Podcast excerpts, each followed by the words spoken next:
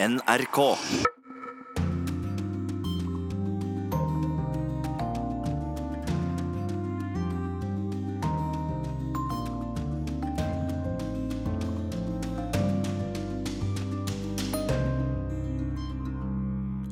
Myndighetene i Russland ber innbyggerne i Moskva om å holde seg hjemme før dagens demonstrasjoner.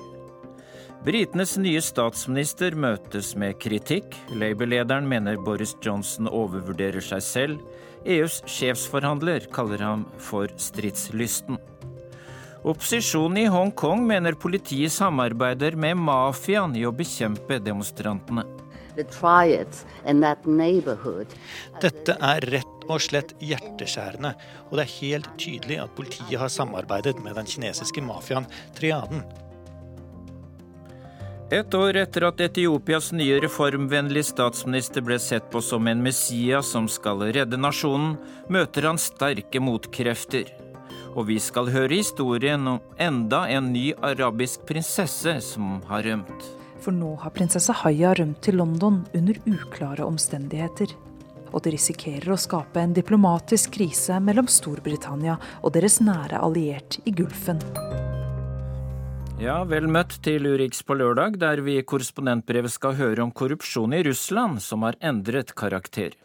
Og i podkasten skal Tom Christiansen ta oss med på jakten etter en drapsmann etter folkemordet i Rwanda.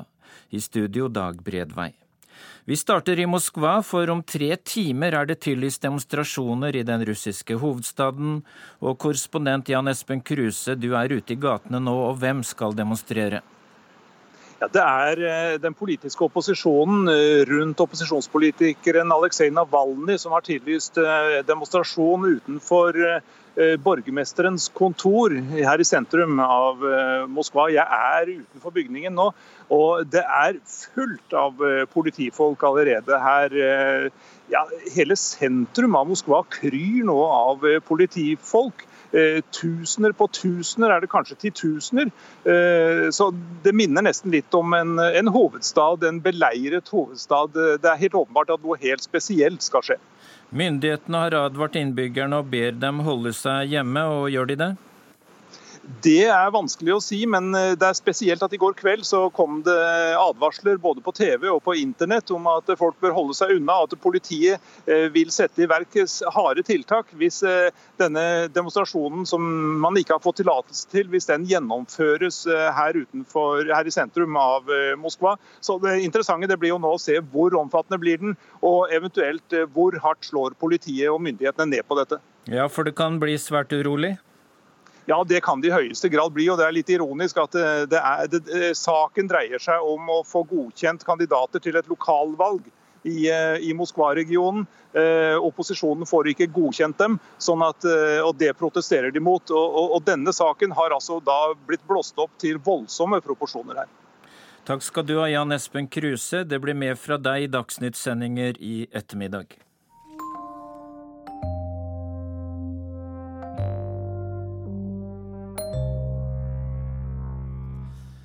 Ukens navn denne uka er uten tvil denne mannen.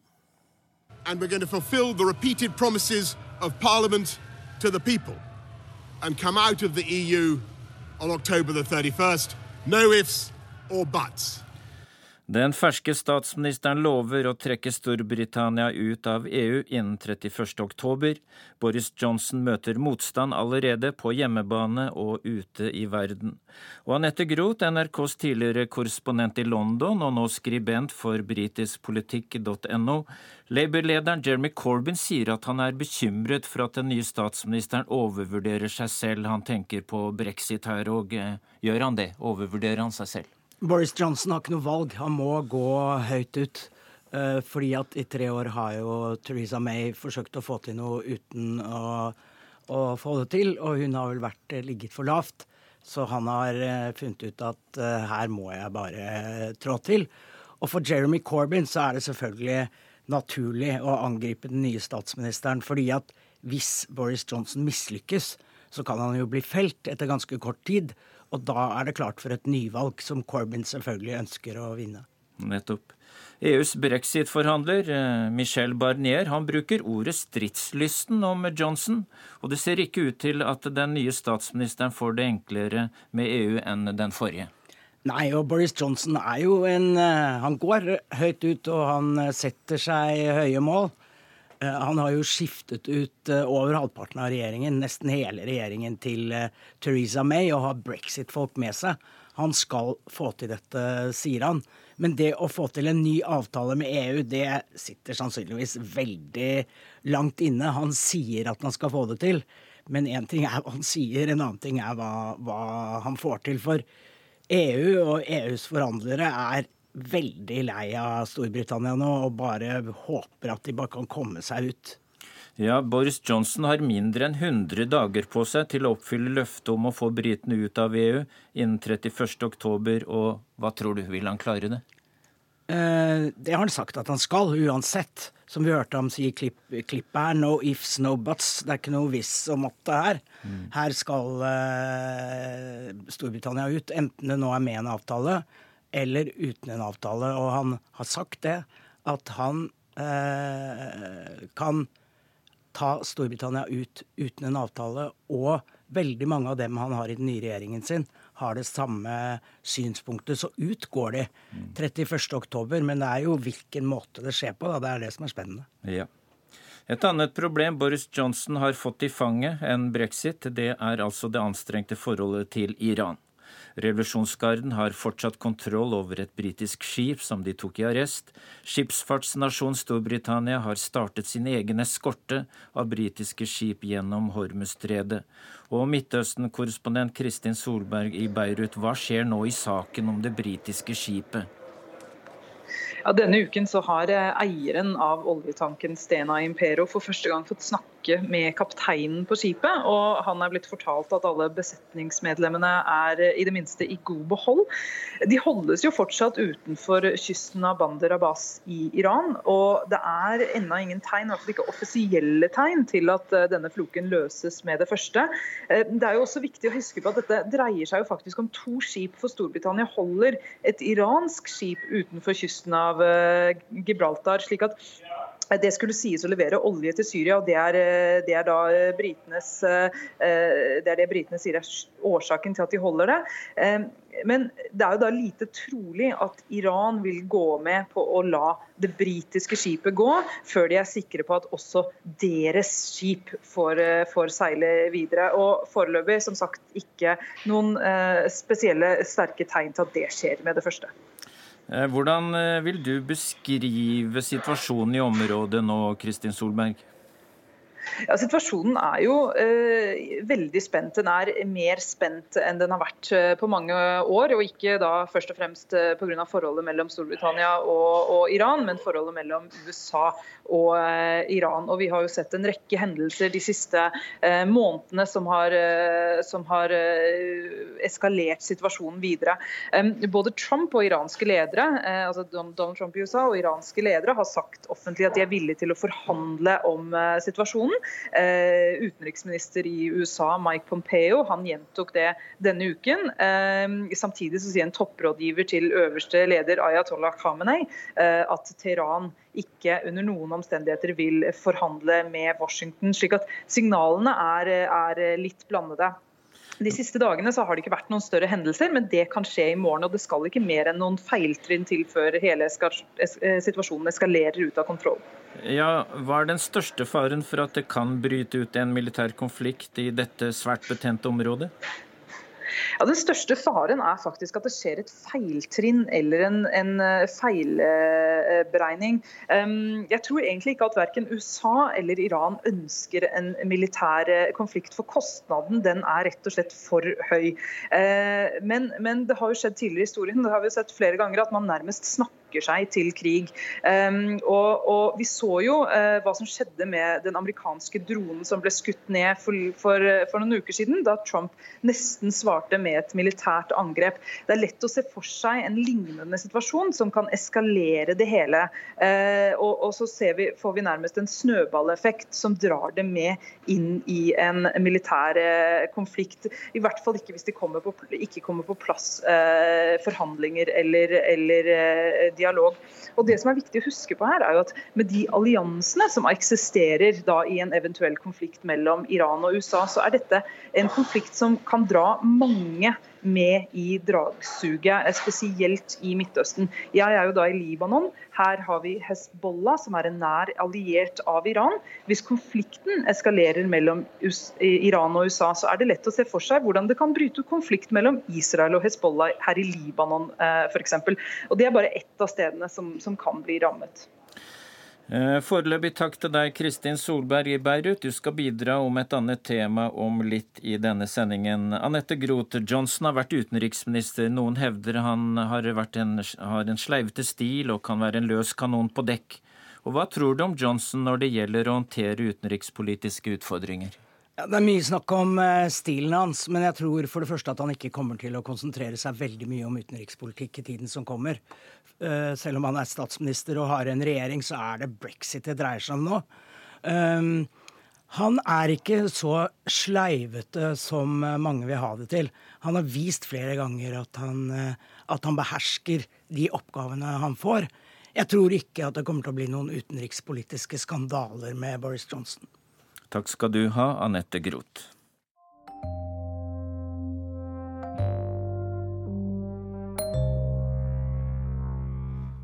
Boris Johnson kan få en annen pikant floke å hanskes med, også den med utspring i Midtøsten. For Dubai er kjent som en global metropol som er vokst ut av ørkenen i Gulfen.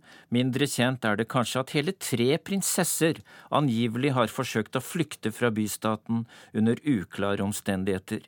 Den siste, prinsesse Haya, er gift med sjeik Mohammed, som styrer Dubai. Nå søker hun asyl i Storbritannia, og dermed kan hennes flukt også føre til en diplomatisk krise. Kristin Solberg i Beirut gir oss historien. Hun er rik, vakker og kongelig. Prinsesse Haya bint al-Hussein er 45 år, halvsøster til kongen i Jordan og gift med sjeiken i Dubai. Hun har øyensynlig levd et liv i sus og dus. Eller kanskje ikke, for nå har prinsesse Haya rømt til London under uklare omstendigheter. Hun er slett ikke den første, men faktisk den tredje prinsessen i Dubai som har flyktet fra den rike bystaten, men med varierende hell. Flukten hennes setter kritisk søkelys både på sjeiken, De forente arabiske emirater og hvordan begge behandler kvinner og det risikerer å skape en diplomatisk krise mellom Storbritannia og deres nære alliert i Gulfen. Royal Ascot, hesteveddeløpet i England der de rike, kjente og kongelige samles hvert år. Prinsesse Haya og ektemannen sjeik Mohammed bin Rashid al Maktoum har vært faste gjester der. De avbildes gjerne med dronning Elisabeth. Sjeik Mohammed har et image som en progressiv leder. Han har ledet Dubai til å bli en moderne, global metropol. Med en økonomisk vekst som i internasjonale medier helt har overskygget de undertrykkende sidene ved det som er og blir et diktatur. I år glimret den hesteinteresserte prinsesse Haya med sitt fravær på Royal Ascot for første gang. Sjeik Mohammed var alene. Litt senere ble det kjent at prinsessen søker asyl i Storbritannia. Hun frykter angivelig å bli kidnappet tilbake til Dubai, og har hyret inn et sikkerhetsfirma som vokter luksusboligen i Kensington. Hva er det egentlig som har skjedd bak de overdådige palassmurene i Dubai? Det blir sagt at prinsesse Haya flyktet etter at hun fikk vite hva som egentlig skjedde med Latifa, den forrige prinsessen som ville flykte fra Dubai. I'm making this video because jeg lager denne videoen fordi det kan være den siste videoen jeg lager, sier prinsesse Latifa, datter av sjeik Mohammed, i en video publisert på YouTube i fjor. Video, very, very, very Og hvis dere ser denne videoen, er det ikke så veldig bra. Enten er jeg død, eller så er jeg i en veldig, veldig vanskelig situasjon. Prinsessens venner sier at hun forsøkte å flykte fra et hjem der hun ikke fikk lov til å jobbe, studere, reise eller leve fritt som kvinne. Et hjem der vennene sier at hun var blitt arrestert og torturert. Fluktruten gikk med båt fra Dubai til India. Derfra skulle hun angivelig fly til USA, der hun ville søke asyl. Men like utenfor kysten av Goa ble båten raidet av soldater og prinsessen sendt tilbake til Dubai. Siden har ingen hørt noe fra prinsesse Latifa. Vennene hennes sier hun er i stor fare, antakelig i husarrest i palasset. Latifas familie har en annen versjon. De sier prinsessen ikke rømte, men at hun ble forsøkt kidnappet. Prinsessen er bare blitt observert én gang siden, på et bilde offentliggjort av familien sammen med den tidligere irske statsministeren Mary Robinson hjemme i palasset i Dubai. Den aller første prinsessen som forsvant, gjorde det for hele ni år siden og prinsesse Shamsa, datter av sjeik Mohammed og søster til Latifa, rømte fra familiens landsted i England. Hun ble sist sett i august det året, da hun angivelig ble plukket opp på gaten i Cambridge av sjeikens folk og sendt tilbake til Dubai med tvang. Heller ikke hun er blitt hørt fra siden. Prinsesse Haya, sjeikens kone, ber nå angivelig om skilsmisse i London. Ektemannen, som også er kjent for å være en nokså middelmådig poet, har offentliggjort et illsint dikt på Instagram der han skriver om en kvinne som dolket ham i ryggen. Han skriver at han ikke lenger bryr seg om hun lever eller er død. Kanskje er det slik man føler med et knust hjerte, eller kanskje er det en trussel. Det at sjeikens kone nå ber om asyl i Storbritannia kan få politiske konsekvenser. Hvis landet innvilger henne asyl, kan det gå mot diplomatisk krise med De forente arabiske emirater. Og det på en tid hvor spenningen med Iran stiger i samme område. Og vi forflytter oss til Hongkong, som er preget av en rekke demonstrasjoner. Opposisjonen er ikke i tvil, den mener mafiaen hjelper politiet mot demonstrantene. For en uke siden brøt ut voldsomme opptøyer da menn i hvite T-skjorter gikk løs på tilfeldige på en T-banestasjon i byen. Reporter Christian Aanensen har laget denne reportasjen.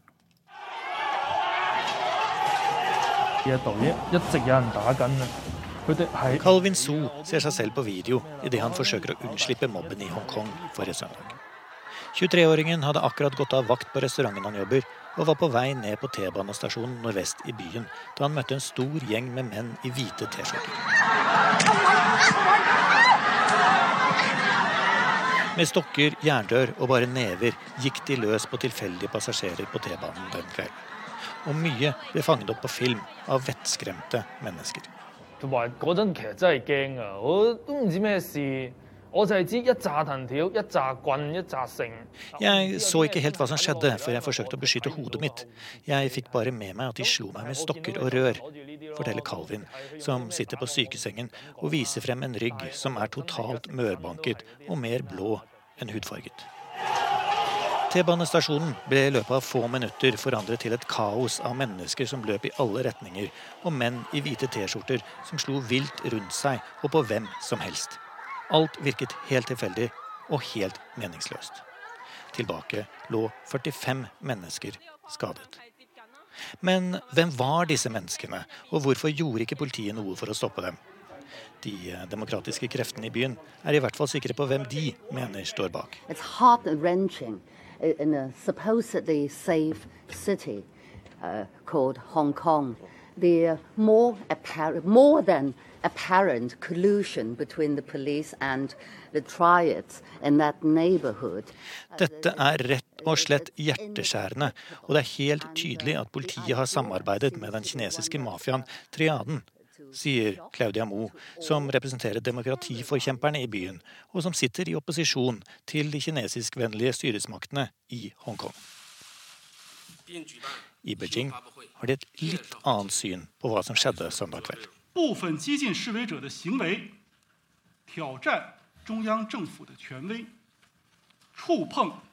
Oppførselen til noen ekstreme demonstranter har utfordret oss, og vi vil ikke la Hongkong bli svertet på denne måten, sa Kinas forsvarsminister Wu Qian og understreket at de nå følger nøye med på hva som skjer, og at de kinesiske styrkene som er utplassert i og rundt den tidligere britiske kolonien, kan bli satt inn for å gjenopprette det de definerer som ro og orden. Men eh, Kineserne snakket ikke om mennene i hvite T-skjorter når de nevnte ekstreme demonstranter. De snakket om dette. Tidligere på kvelden hadde nemlig flere hundre tusen marsjert gjennom Hongkongs gater med krav om at byens regjeringssjef Carrie Lam skal gå av, og at hun formelt også trekker tilbake et utleveringsforslag av innbyggere til Kina. Og det var i forbindelse med disse demonstrasjonene at noen demonstranter også gikk løs på bygningene til Beijing-regjeringen i byen. De kastet egg og sprayet ned Kinas nasjonale emblem. Det var oppførselen til disse demonstrantene som ble for mye for Beijing. Og i Washington sitter en annen mann som også følger med. Well, they are. I mean, they are. I don't think China stopped them. China could stop them if they wanted. I think, I think that again, I'm not involved in it very much, but I think President Xi of China has acted responsibly.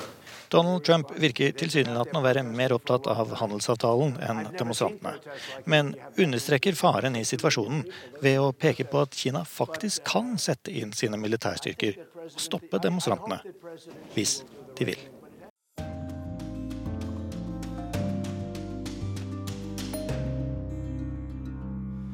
Nå Afrikas Horn, en måned etter et mislykket kuppforsøk mot den reformvennlige statsministeren i Etiopia, er det igjen uro. Denne uka skal minst 17 demonstranter ha mistet livet i provinshovedstaden Havasa sør i landet. Øyvind Odland kjenner Etiopia svært godt. Han er ambulerende sjømannspress på Afrikas Horn og jobber med nasjonsbygging i landet på oppdrag for Utenriksdepartementet. To dager før han dro til Etiopia i sommer, ble det gjennomført et kuppforsøk mot den reformvennlige statsministeren Abiy Ahmed. Odland forteller hvordan han opplevde situasjonen. Jeg opplever at Etiopia er inne i en krisetid. Det er utrolig mange forskjellige krefter som kjemper om makt på forskjellige plan det at man da har åpnet opp for litt mer demokratisk frihet, det har også ført til at de forskjellige kreftene har fått spille seg ut, slik at Etiopia er nå i en utrolig utfordrende situasjon. Eh, du sier til Fedrelandsvenn at kuppmakeren ble feiret som en helt i begravelsen. Eh, fortell. Eh, kuppmakeren tilhørte åpenbart en amhara-nasjonalistisk gruppe. Nå har det seg slik at Amhara-folket har vært på en måte eh, den folkegruppen som har hatt hegemoniet i Etiopia. Og eh, det er klart at hvis du ser på etiopisk historie, så har i hvert fall de siste 100 årene som vi betegner som moderne etiopisk historie så har det vært en, eh, en kamp mellom makt sentralt og i periferi. Eh, den, dette ser vi som en rød tråd gjennom både Haile Selassies eh, styre, gjennom marxistrevolusjonen og også gjennom EPRDF. Altså kampen mellom periferi og eh, sentrum. Og eh, Det er klart at det er også en kamp da om hvilken folkegruppe som skal ha det dominerende ordet federalt. Så eh, det henger sammen. Ja. Statsminister Abiy ble for et år siden sett på som en slags Messias som skulle redde nasjonen. Han startet med reformer i rekordfart, satte fri tusener av politiske fanger åpnet opp frie medier, inngikk fred med Eritrea, styrket rettssystemet, kalte hjem opposisjonsgrupper osv. Eh, ble alt dette en umulig oppgave for den nye og utålmodige statsministeren? Det er ikke tvil om at eh, statsminister Abiy er en fantastisk retoriker og folketaler. Og på folkemunne sier man i Etiopia at han har bestått en muntlig eksamen, men han har eh, feilet i den praktiske prøven. Jeg tror nok at det å skulle gjennomføre så omfattende reformer i et land uten demokratiske tradisjoner og demokratiske institusjoner er utrolig vanskelig. Slik at eh, jeg, jeg ser at hans popularitet eh, har, er svekket. Og det som kanskje også er et, eh, et, manglende, et, manglende, trekk, er en klar strategi og en klar målsetting. Så vi får håpe, men det er en noe svakere Abi som framstår i det etiopiske samfunn. Du har tidligere advart mot motkreftene, Odland. Hvem er motkreftene, og hvorfor er motkreftene så aktive nå? Motkreftene er veldig sammensatt. Det er folk som er imot reformprosessen på forskjellig grunnlag. Noen fordi at det kan berøve dem makt og tilgang på korrupsjon. Andre fordi de er etnonasjonalister og ser dette i sammenheng med sentralmakt føderalt. Og så skal vi heller ikke underslå at motkrefter er det også i en del omkringliggende land, som gjerne ser at Etiopia ikke stabiliseres. Og så har du da de sosiale mediene og bloggerne hvor det faktisk er forferdelig å lese hvilken hatretorikk som utspiller seg. Mm. Tidligere keiser Haile Selassie skal ha sagt at det skal bli umulig for ledere som kommer etter ham å holde nasjonen sammen. Og eh, får han rett, tror du? Jeg håper ikke det. Jeg tror at Etiopia vil være best tjent med en nasjonalstat. Men man må finne en, må finne en løsning på, på, det, på, sentral makt i forhold til regional makt. Og man må på en måte få en, til en enhet i mangfoldet, slik at man kan dra sammen. Og eh, det er faktisk en veldig stor utfordring. Og eh, jeg forstår at dette er så komplisert at man eh, ikke uten videre tror at et internasjonalt engasjement vil kunne løse Etiopias indre problemer. Var det en tabbe av tidligere statsminister Meles Zenawi, som ble sett på som en svært visjonær leder å skape Etiopia om til en føderalstat der etnisitet står så sterkt? Jeg tror det blir for overfladisk å kalle dette en tabbe. Men det er klart at eh, Melles forsøkte eh, noe radikalt i forhold til det å løse den periferi, eh, sentrale maktutfordringen.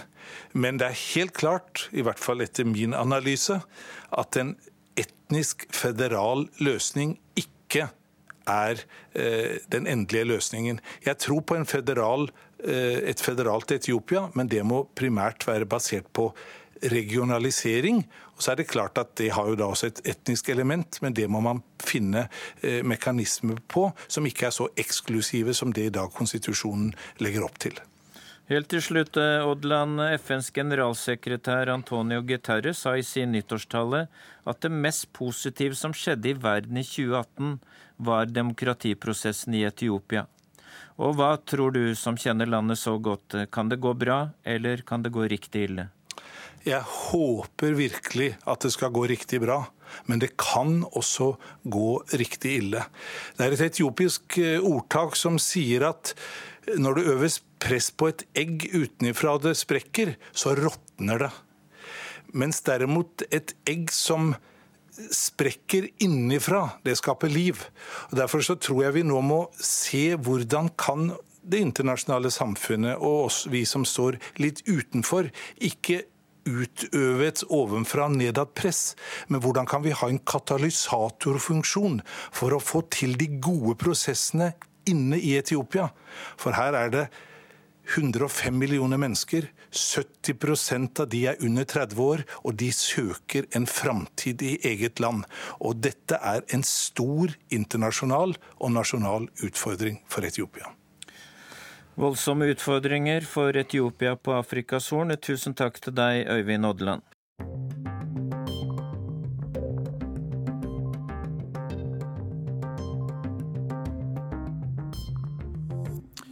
Klokken er 11.31. Det er tid for å åpne ukens korrespondentbrev. Det er postlagt i Moskva av Jan Espen Kruse. Korrupsjonen i Russland er tema. Det er litt vanskelig å begripe hvor omfattende korrupsjonen nå egentlig er i Russland. Myndighetene sier at de fører en kamp uten stans mot uærlige byråkrater og politikere.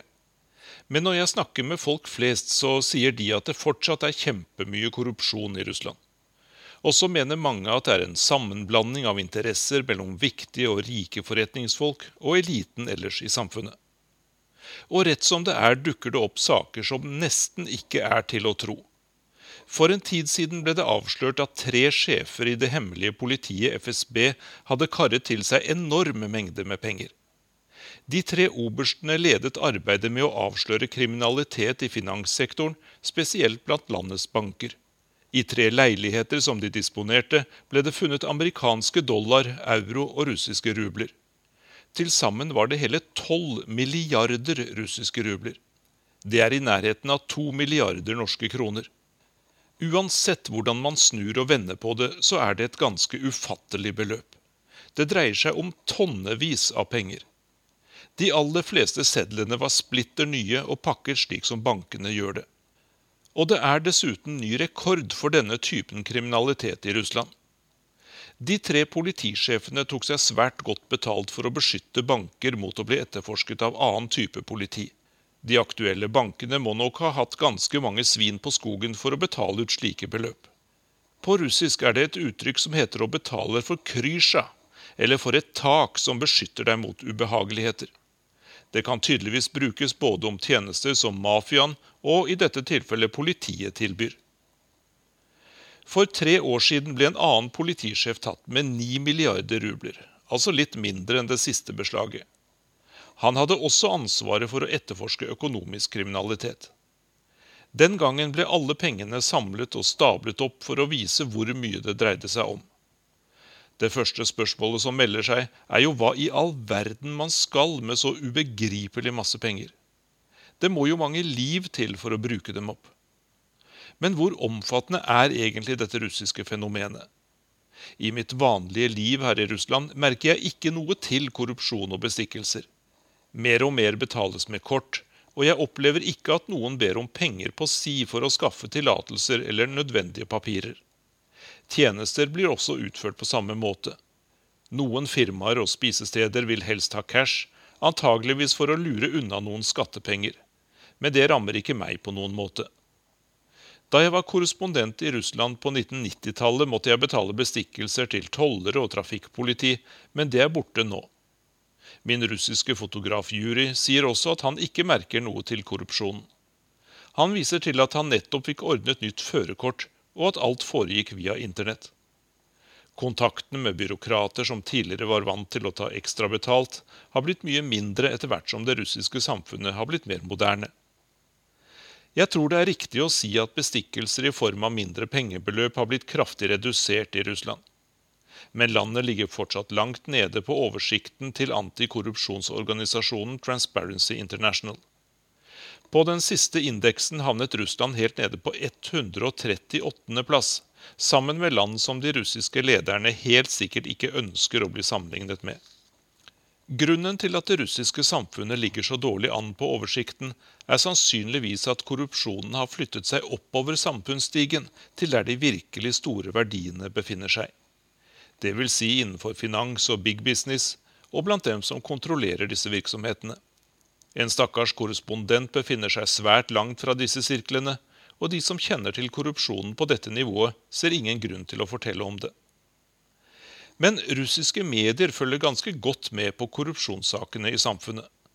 Nærmest daglig er det saker om uærlige politikere og byråkrater som mistenkes for å ha stjålet av lasset. Dermed opprettholdes inntrykket av at det er mye korrupsjon i samfunnet. Russere jeg snakker med, trekker bare på skuldrene og sier at selvsagt stjeler de, det er jo derfor de går inn i politikk og byråkrati. Og så er det mulig at det er flere uærlige tjenere ute i de russiske regionene, når avstanden til hovedstaden blir stor og kontrollen kanskje svakere.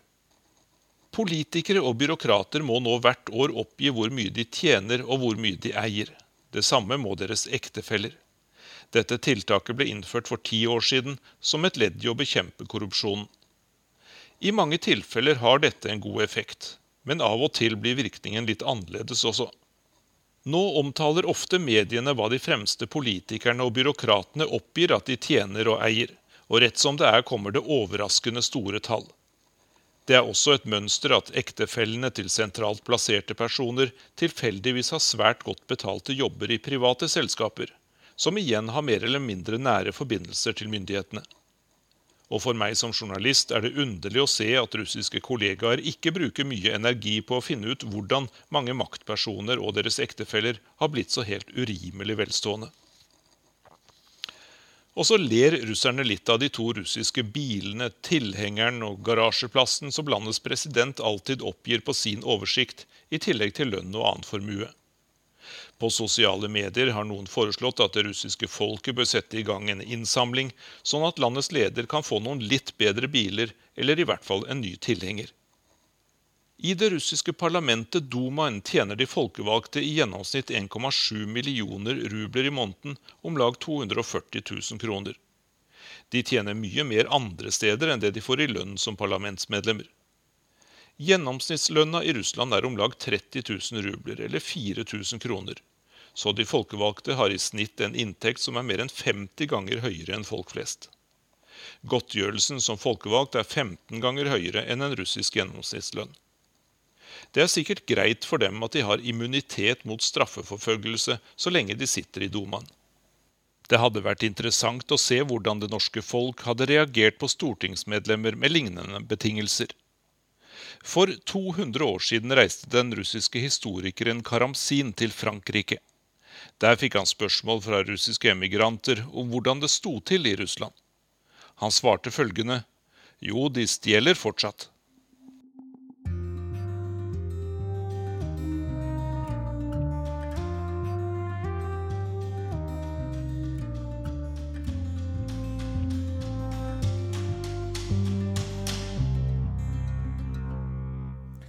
Vanligvis avslutter vi Urix på lørdag med podkastserien Krig og fred, men siden det er sommer, avslutter vi med et gjenhør fra serien Toms afrikanske fortellinger. Vi skal til Rwanda og Kongo og møte Bernard, som jakter på sin kones morder. Hun ble et av de 800 000 menneskene som ble drept under folkemordet i Rwanda. Bernard er en god mann. Derfor betalte han 15 dollar for at militssoldatene under folkemordet i Rwanda skulle skyte kona hans. Ellers hadde hun blitt skåret opp med kniv. Bernhard, min gode venn, holdt døtrene for øynene da det smalt. Han og jeg skal seinere i livet møte denne drapsmannen. Jeg kommer aldri til å glemme det som skjedde.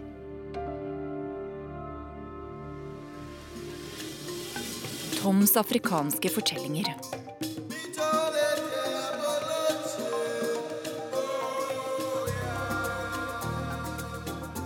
Jeg heter Tom Kristiansen og har reist Afrika på kryss og tvers for NRK. Jeg har møtt presidenter og høvdinger, bønder og forskere, i byen og i bushen. Det skjer mye i Afrika som ikke hender andre steder. Og alle disse historiene har jeg tatt vare på. Og du vil lure på om det er sant, det jeg forteller. Men det er det.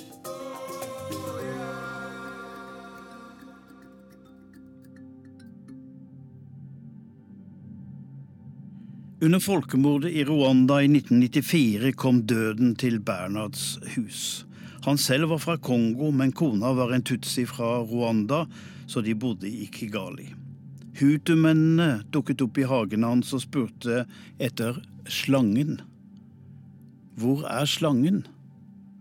De halte henne ut fra kjøkkenet, og de vettskremte ungene klynget seg til far. Soldatene forberedte sitt knivdrap på en uskyldig mor, og så kom Bernhard med de 15 dollarene.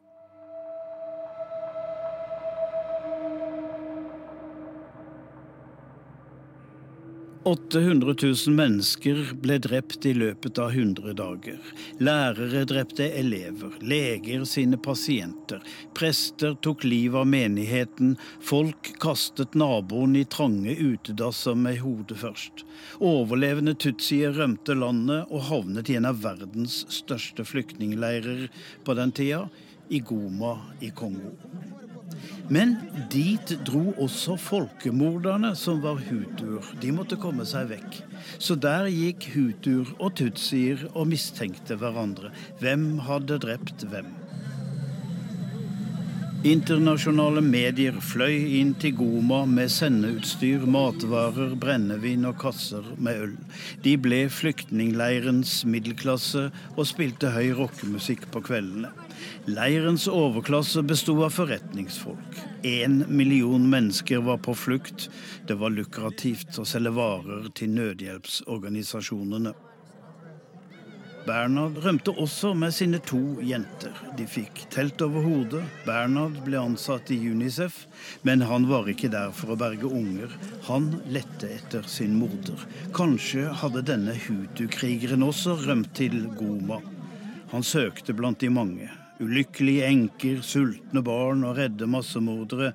Bernhard gikk alltid med kniv.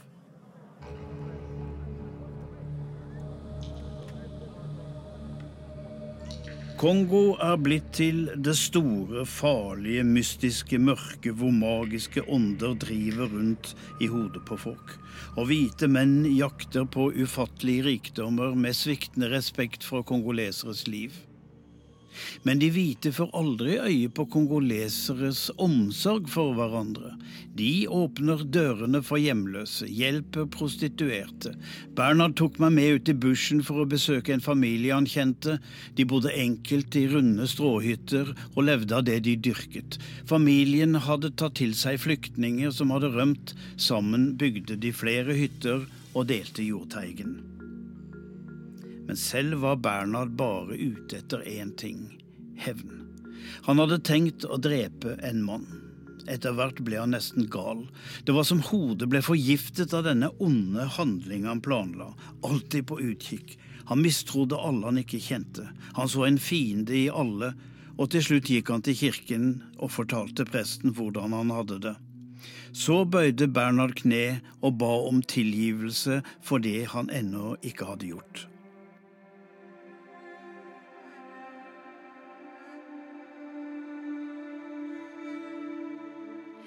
Det gikk mange år før vi møttes igjen. I mellomtiden hørte jeg de forferdeligste historier om militser som voldtok kvinner og kriget mot hverandre og regjeringshæren. Jeg hørte om barbariske drapsmenn og menneskeetere, voldtektsmenn som stakk kniver opp i livredde kvinner.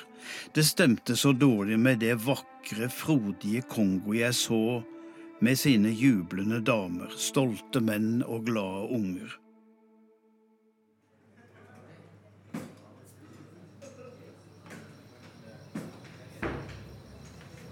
Bernhard skulle være min fikser denne gang, og vi satt i Bukavo. Oppdraget var delikat. Vi skulle reise opp i fjellene, der militsene holdt til på hver sin fjelltopp. Der fantes det gamle geriljagrupper som hadde kjempet mot hverandre i årevis, og nye var kommet til etter folkemordet i Rwanda. De sloss om territorier og om adgang til gruver. Soldatene deres var fattige, men de skaffet sin bevegelse kontroll over gull og diamanter og koltan, dette stoffet som får mobiltelefoner til å virke.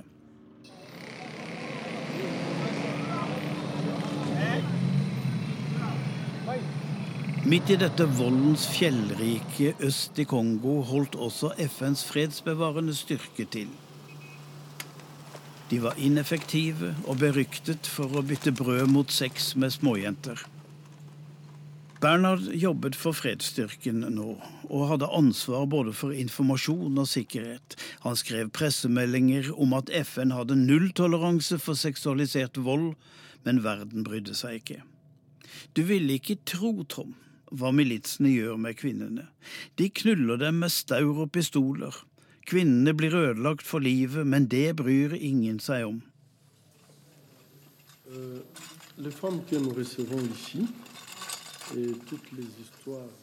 Bernhard tok meg med til et sykehus som behandler kvinner med ødelagte underliv. De var blitt voldtatt mens mann og barn, stundom besteforeldre, måtte se på.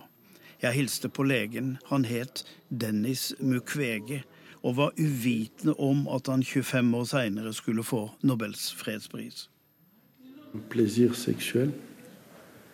Euh, c'est beaucoup plus euh, pour euh, une stratégie.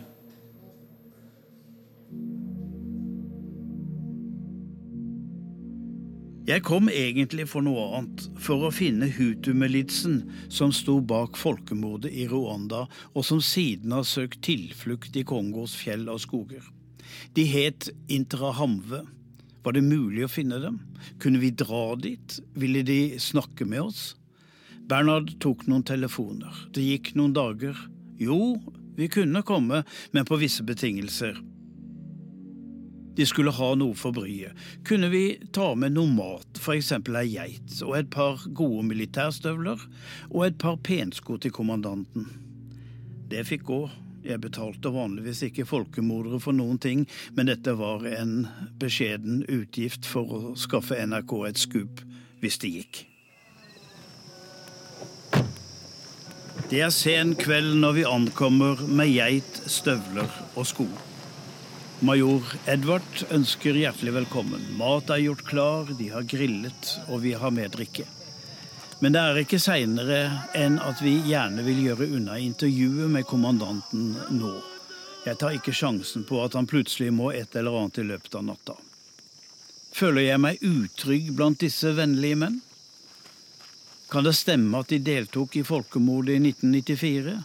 En gjeng massemordere som henger her i et halvferdig murhus? Jeg innleder varsomt, men kommer til poenget. Major Edmund, hvor var du under folkemordet? I London, sier han. Jeg studerte. Jeg deltok ikke i noe massakre. My God. Major Edmund, be honest with me. How many people did you kill during the genocide? Me, I, I don't kill someone die in the genocide. How many of your men have been involved in the genocide? They can be identified by justice. Uh, men bevegelsen din, Interahamve, sto jo bak. Han ser det ikke slik. Det var mye sivil galskap, men Interahamve gjorde ikke annet enn en soldat ville gjort med fienden. Nesten én million mennesker ble drept. Gjør det inntrykk, major Edmund? Det ser ikke sånn ut.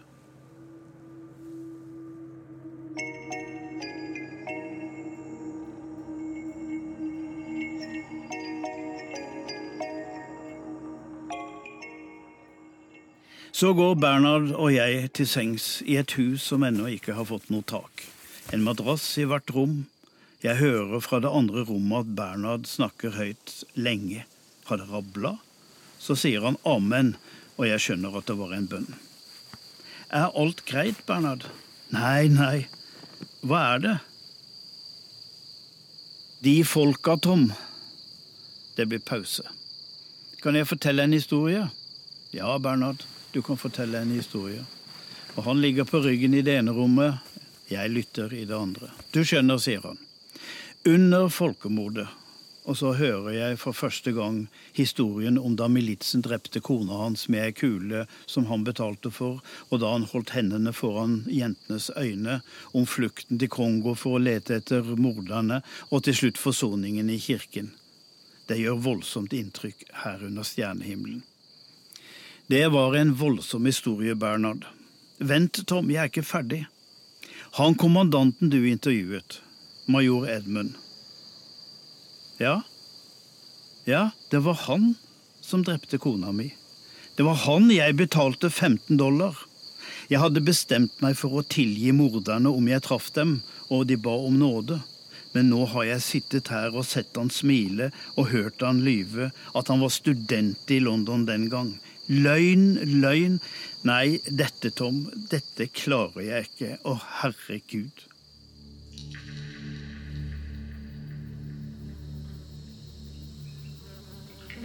Det blir en vanskelig morgendag. Vi har sovet dårlig, vi har verdens verste selskap, og Bernhard forsøker å trøste meg, som også er ulykkelig på hans vegne. Men vi får tatt det siste bildet. Og til slutt intervjuer jeg Bernhard om det han har fortalt meg i natt. Yes, they nearly killed me too, because I want to defend her. Han forteller på engelsk, mens en av folkemorderne står like bak. Men han kan ikke språket. Have you forgiven those who killed your wife?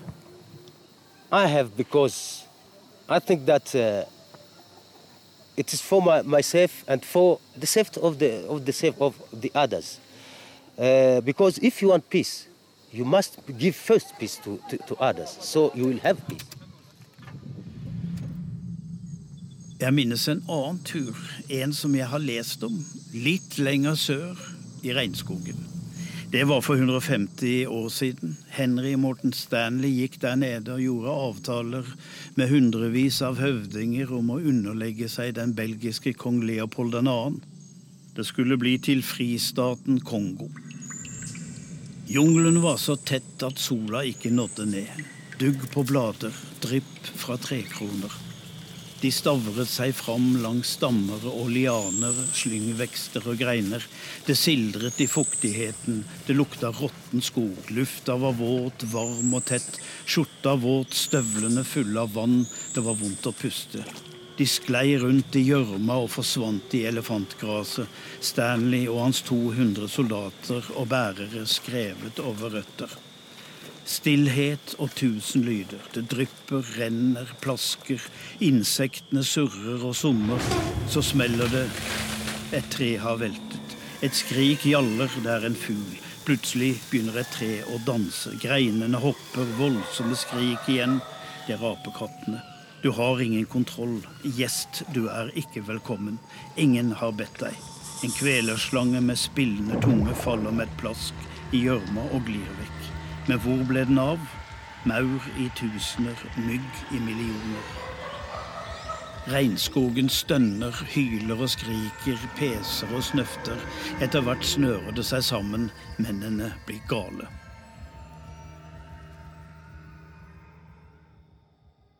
Når de hadde fullført prosjektet og drept dem som sto i veien, hadde de overtatt Kongofloden og redusert folketallet fra 20 til 10 millioner, det første folkemord. Men det er ikke slik det ser ut i Bukavo, der Bernhard og jeg ser utover Kiwisjøen. Her er mild bush, Tenk om journalistene kunne skrive om dette, sier han.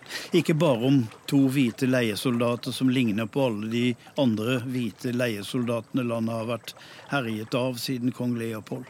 Tenk om journalisten i stedet hadde gått på baren og hørt den nye musikken, og sett på damene som viser nye klær og voldsomme frisyrer. Designere fra New York kommer hit for å søke nytt. Bernhard og jeg snakket om den store Kongokrigen som Vesten ikke interesserte seg for. Det døde snaut seks millioner mennesker. Det er et holocaust-tall. President Mobutu Sese Seko var en diktator og skaper av ordet kleptokratiet. Han stjal det han kom over. Han ble jaget fra landet av Laurent Kabila, en marxistisk militsleder som prøvde seg på revolusjon allerede på 60-tallet. Han hadde fått hjelp av det latinamerikanske ikonet Che Guevara, men det holdt ikke, så Kabila begynte å smugle gull og tømmer i stedet. Han drev også en bar og et horehus, men i 1996 ledet han militsene nedover Kongoelva og tok makten. Kabila var uegnet og ble korrupt akkurat som Mobuto, og fikk ei kule av egne soldater i 2001. Da overtok sønnen Josef Kabila, som fikk lagt sin far i et mausoleum like utenfor presidentpalasset. Kabila junior ble valgt i demokratiske valg, men han ville ikke gå av da perioden var over.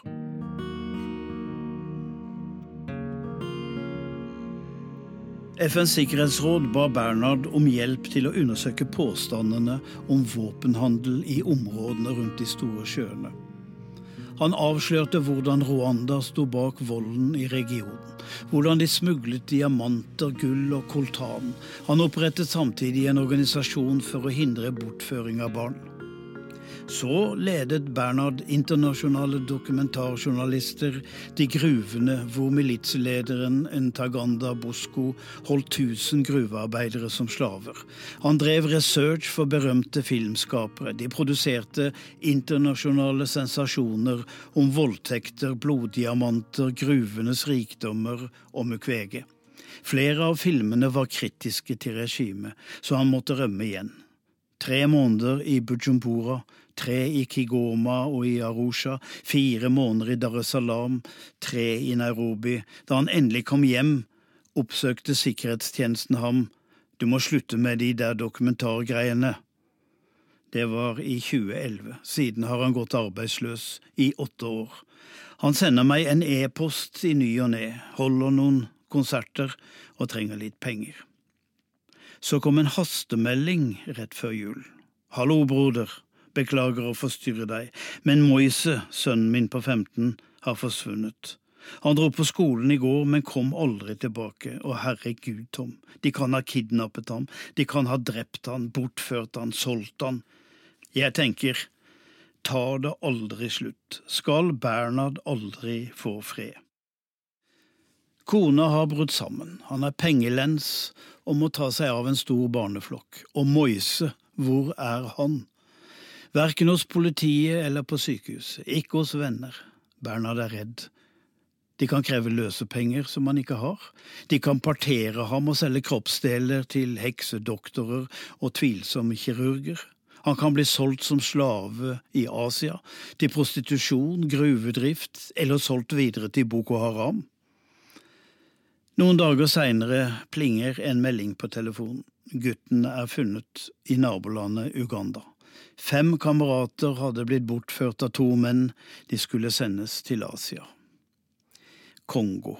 Dette mørkets hjerte, mørkets rike, mørkets krefter i dette forbannede land.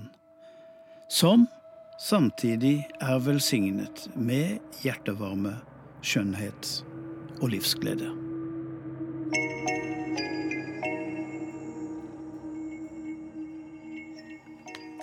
Urix på lørdag er straks slutt. Vi tar med at politiet i Hongkong har avfyrt tåregass mot demonstranter i Hongkong. Og dette er ifølge nyhetsbyrået AFP.